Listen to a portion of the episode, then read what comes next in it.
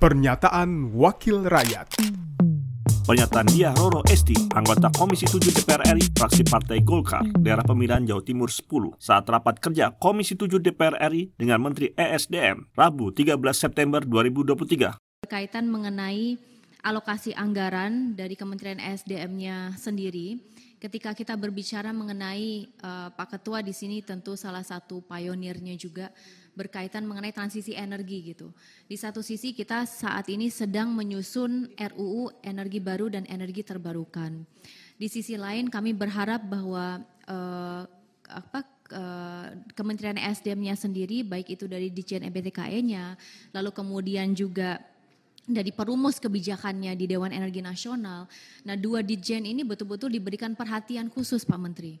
Gitu. Karena kalau kita lihat migas dan Minerba ini kan udah gemuk-gemuk semua nih Pak Menteri.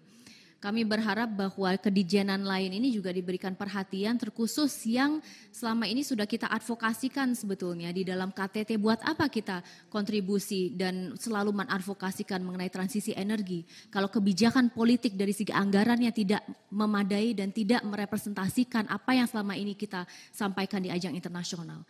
Jujur saya capek melihat realita yang ada di lapangan, realita yang ada di negara Indonesia, dan cukup malu sebetulnya di dunia internasional. Nah, oleh karena itu, saya mohon sekali, mumpung kita diberi amanah, untuk kemudian betul-betul secara kolektif, let's make history. Intinya kayak gitu, Pak Ketua. Bersama, baik itu dengan semangat gotong royong antara DPR RI dan juga pemerintah Kementerian SDM setiap kedijenan, setiap lini sektor energi, baik itu miner dan, minerba dan migas sudah mendapatkan porsinya. Mohon keprihatinan juga uh, kepada Dirjen, uh, Dirjen mohon maaf EBTKI dan juga Dewan Energi Nasional. Pernyataan dia Roro Esti, anggota Komisi 7 DPR RI, fraksi Partai Golkar, daerah pemilihan Jawa Timur 10, produksi TV dan radio Parlemen, Biro Pemberitaan Parlemen, Sekjen DPR RI.